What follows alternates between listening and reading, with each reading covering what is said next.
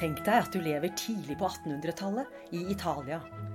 Tenk deg at du sitter i operahuset i Roma, og året er 1816. Du spiser og drikker, spiller kort, skravler med vennene dine. Tenk deg at opera er tidens underholdning, og at operaen er stedet der du kanskje treffer din utkårede. Tenk deg at du følger med på skandaler og intriger, at du dyrker glitrende sangere. Tenk deg at du merker hvordan musikken i ouverturen bygger seg opp, blir sterkere og sterkere, som et stort crescendo. Du blir mer og mer forventningsfull, og lite vet du om at denne operaen skal bli en av verdens mest populære operaer, 'Barberen i Sevilla' av Giacchino Rossini.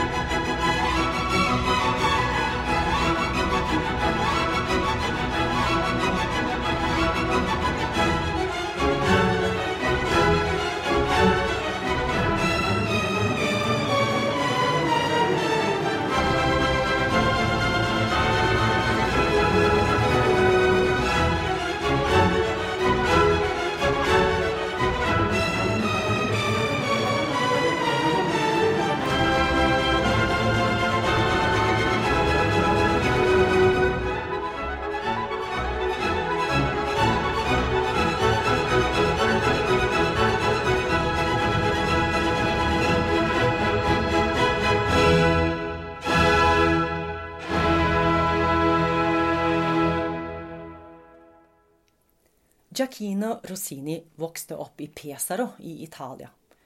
Familien hadde en gang vært adelig, men velstanden smuldret opp. Faren til Rossini ble kalt Il Vivazza for sin livlige og ildfulle karakter, og han hadde mange funksjoner i den lille byen. Musiker i bymusikken, bytaler, inspektør på slakteriene. Han utførte alt med bravur, feiende og flott. Han minnes ikke så rent lite om en viss barberer. thank you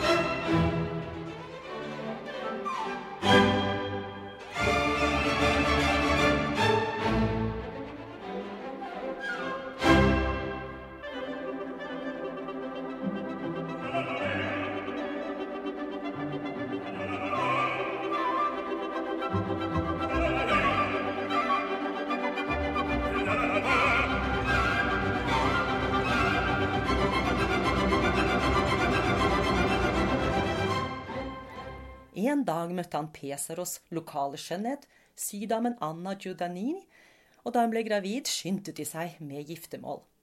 Giacchino ble født året etter og ble skandaløst bortskjemt. Vakker etter moren, sjarmerende etter faren, full av spillopper, vanskelig å motstå. Han ble bare kalt Lille Adonis etter Afrodites yndling. Lille Adonis brøt seg inn i sakristiene og drakk opp altervinen. Ble forelsket ti år gammel hadde stevnemøte i kirken og ble oppdaget av den rasende presten. Som straff ble han satt til å jobbe i en smie, og det sies at det var her han lærte noe om rytme.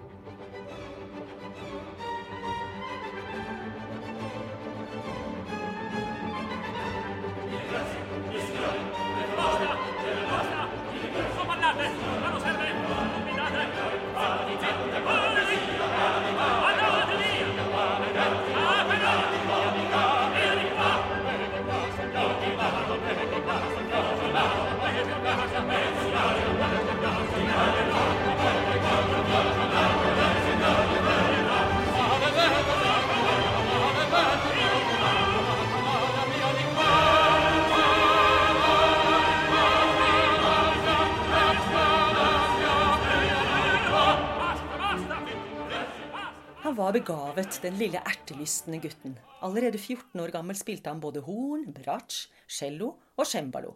Han hadde god stemme, sang i kirken og opptrådte som kormester. Men det var jo komponere han ville, og 18 år gammel erklærte han seg ferdig utdannet. Han hadde jo gått fire år på musikklyseet i Bologna.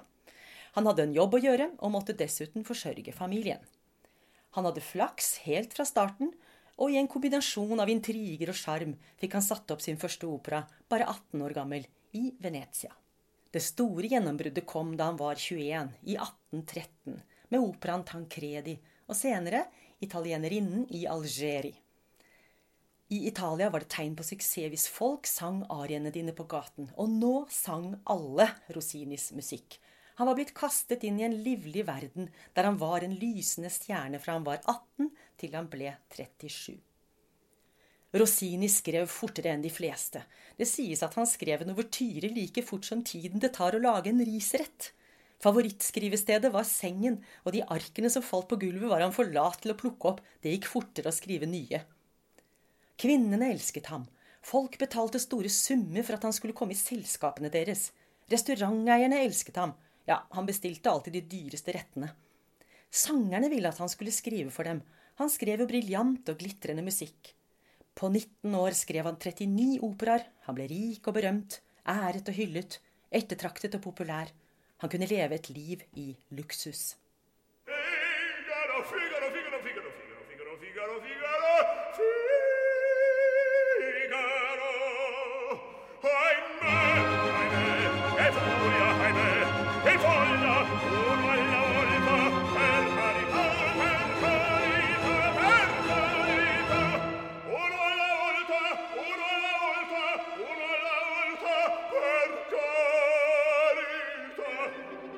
Men så skjedde det uventede.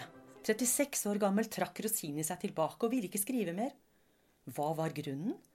Denne mannen hadde jo alt. Suksess, popularitet og en meget god økonomi etter 20 år med stor produksjon. Han fikk nerver, gråtetokter, ble søvnløs, mistet sin berømte appetitt. Ryktene gikk at han var blitt gal. Fallet ble stort etter det sirkuset han hadde vært en del av. Det er jo ikke et ukjent fenomen i våre dager heller.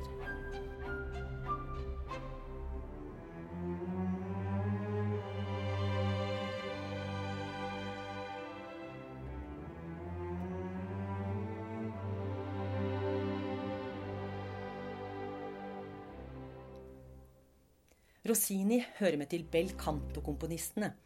Tiden etter Mozarts død i 1791 og til Verdis dominans fra 1840 er nettopp bel canto-perioden.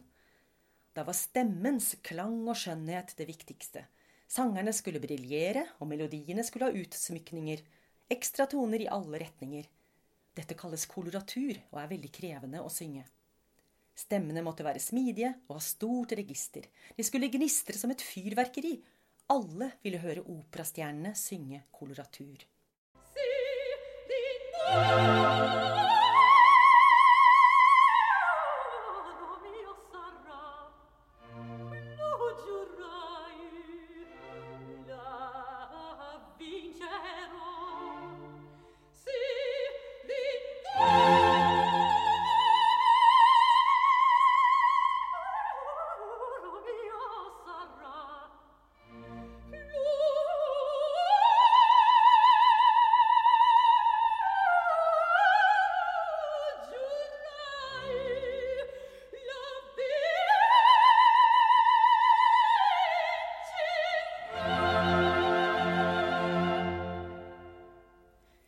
Rossini var 24 år gammel da han ble ansatt som komponist ved Teatro Argentina i Roma.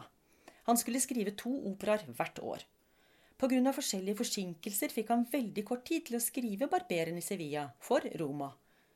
Han har selv sagt at han hadde kun 13 dager på å skrive dette 600 sider lange verket. Førstegangsoppførelsen ble møtt med buing fra galleriet, men allerede annen forestilling da var folk så begeistret at de dro hjem til maestroens hus for å applaudere. Der hadde han forskanset seg i sengen. Og denne suksessen har fulgt operaen siden. Vår oppsetning av 'Barberen i Sevilla' er i regi av Jetske Minson og med scenografi av Herbert Morauer.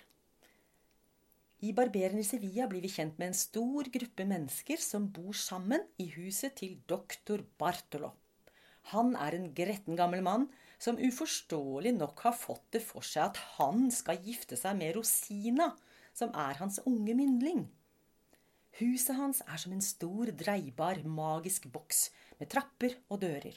Her kan man både iaktta og bli iakttatt. Bartolo er rik, og han har mange ansatte. Egen tenniscoach, kokk, hushjelper, håndverkere. Rosina er vakker og livlig Men hva hjelper det hvis man er innestengt og passet på hele døgnet? Vel, det hjalp i hvert fall å dra en tur til Madrid en dag. Da ble hun nemlig observert av den kvinnekjære greven Alma Viva. Nå har han fulgt etter henne og spiller og synger utenfor huset hver natt. Han håper å få et glimt av henne og kanskje lære henne å kjenne. Fiorillo er den første solisten vi ser på scenen. Han er grevens hjelpemann og holder styr på orkesteret. Han har til og med en dirigentpinne. Orkesteret er satt sammen av Bartolos ansatte, og til og med hushjelpene er med.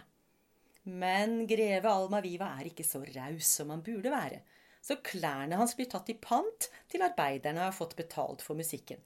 Han får bare beholde det grønne skjerfet. Ingen Rosina viser seg, og greven er oppgitt. Da høres lystig sang inn fra huset.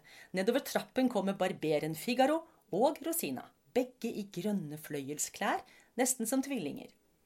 Figaro presenterer seg som byens faktotum, en altmuligmann som alle trenger. Han har en finger med i alt, både hos Bartolo og i byen ellers, og han tar seg selvfølgelig godt betalt. La, la, la,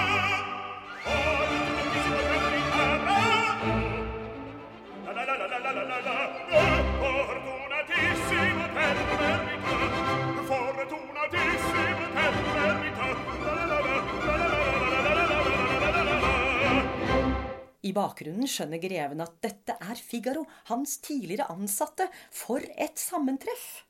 Greven forteller at han trenger desperat hjelp med å komme seg inn til den vakre kvinnen som bor i huset. Ikke noe problem, sier Figaro, jeg jobber jo her. Forskrekket overhører de Bartolo si at han har tenkt å gifte seg med Rosina samme dag, og han skal få hjelp av Basilio, som er musikklærer i huset, og Rosina skal holdes innelåst. Nå haster det, sier Figaro.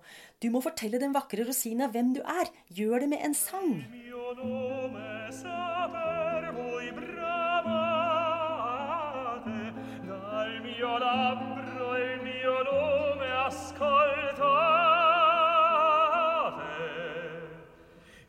son l'indoro che fino adoro che sposa di bravo che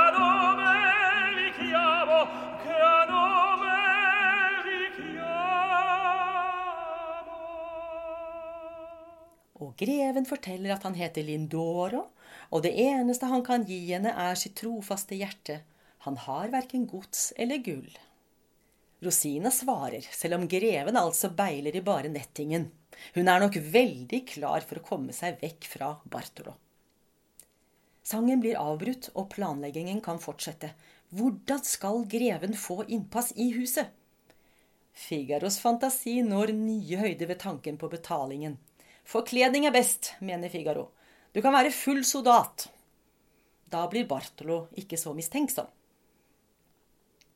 Rosina sitter ved matbordet sammen med Bartolo og Basilio. Hun sverger at hun skal ha Lindoro, altså greven.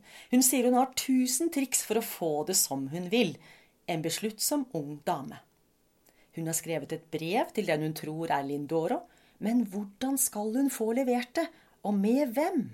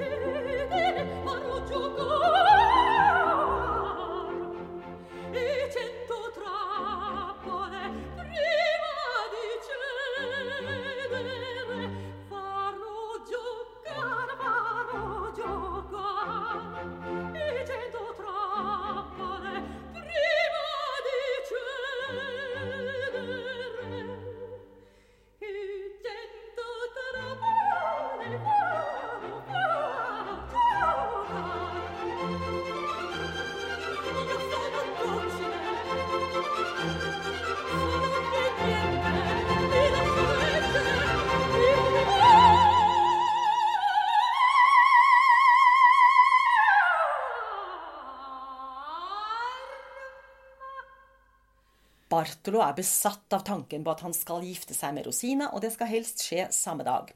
Han får hjelp av Basilio, som altså er Rosinas musikklærer, og som også bor i huset. Basilio mener det beste for å jage vekk greven vil være å sette ut et dårlig rykte.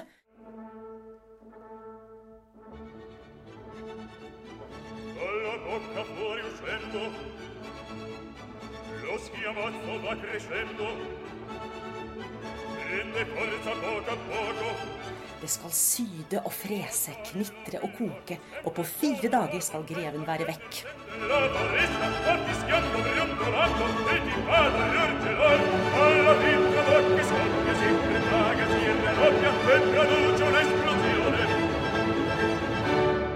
Bartolo tror vel ikke helt på metoden og vil ordne saken selv. Men Figaro overhører de skumle planene og bestemmer seg for å innvie Rosina i saken. Hun blir rasende når hun hører om Bartlos planer. Da er det hyggeligere å høre mer om den unge beileren, Lindoro. Du mener fetteren min, Lindoro, sier Figaro. Ja, han er en fin fyr, han. Han har bare én dårlig side, nemlig den at han er så forelsket i en viss Rosina. Du må skrive til ham, fort! Det har jeg allerede gjort, sier Rosina. Figaro tenker at kvinnelist har da virkelig ingen grenser. Bartolo liker dårlig at Rosina er fortrolig med Figaro. En mann i min stilling finner seg ikke i hva som helst, mener han, og beordrer vinduer og dører låst.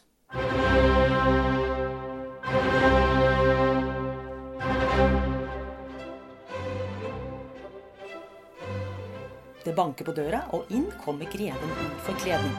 Hans innpåslitne oppførsel driver Bartolo til vanvidd, men det er umulig å få ham ut.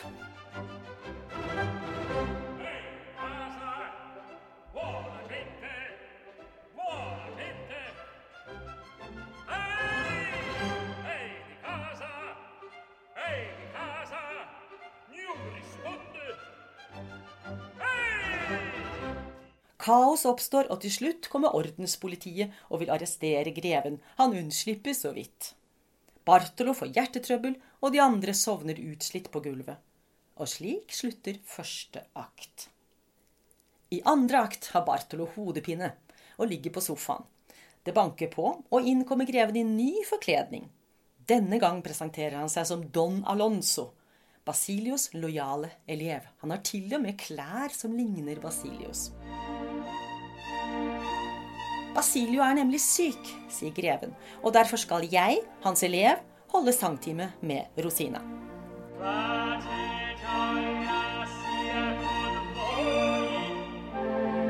Grazie, non si incomodi, gioia e pace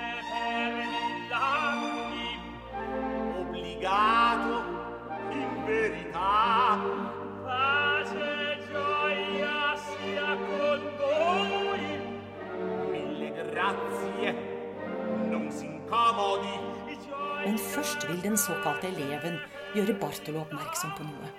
Jeg fant dette brevet der jeg bor. Er ikke det Rosinas kjærlighetsbrev til hennes beiler Greven? Det lå slengt på gulvet. Det må jo bety at mannen ikke bryr seg. Og kanskje har flere elskerinner? Aha, tenker Bartolo, nå har jeg muligheten til å baksnakke greven. Han sender straks bud på Rosina.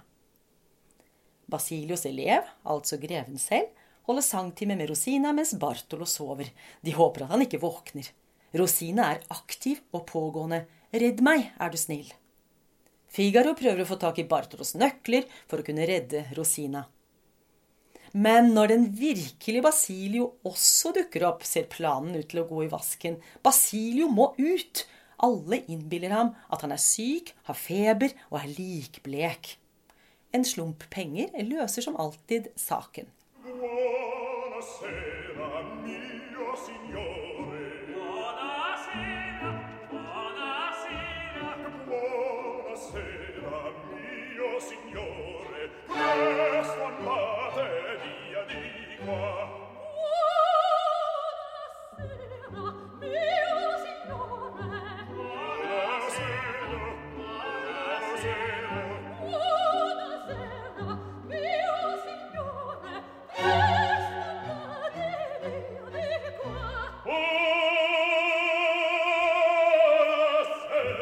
Figaro barberer Bartolo slik at det unge paret kan avtale redningsaksjonen. Figaro og greven skal komme ved midnatt og føre henne vekk. Men Bartolo forstår at han er blitt lurt. Forbrytere, skurker, kjeltringer. Alle er fra sans og samling her i huset. Hushjelpen Bertha er hjertens enig, der hun filosoferer over kjærligheten og all galskapen rundt den. Bartolo viser Rosina hennes eget kjærlighetsbrev og påstår at hun blir bedratt. Rosina fortviler og raser. Hun skjeller ut greven når de kommer for å redde henne. Du lot som du elsket meg, for å gi meg til greve Almaviva. Da må han gi seg til kjenne. Han er ikke Lindoro, han er greven selv. Misforståelsen er oppklart, og lykkelige kryper de i seng for å nyte. Men plutselig høres folk. Fort, fort, ut! roper Figaro. Hvordan i all verden skal dette ende? Bartolo har engasjert notarie for å formalisere ekteskapet, men han blir lurt enda en gang, og igjen løser bestikkelser floken. Kvelden avsluttes med bryllup for de unge, og i denne oppsetningen får vi høre greven briljere i en stor arie som vanligvis utelates. Samtidig avslører han flere sider av seg selv. Hvilke får du se når du opplever hele operaen. Operaen Barberen i Sevilla kan du trygt høre om igjen og om igjen, og samtidig gjerne studere teksten. Bare på den måten kan du forstå Rosinis lune humor. Barberen i Sevilla har sjarmert generasjon etter generasjon og blir hyllet som en klassiker, uansett oppsetning. Musikken overmanner oss med sin smittende energi og livsglede. Og husk at det er lov å le og applaudere, akkurat som på tidlig 1800-tall. God fornøyelse.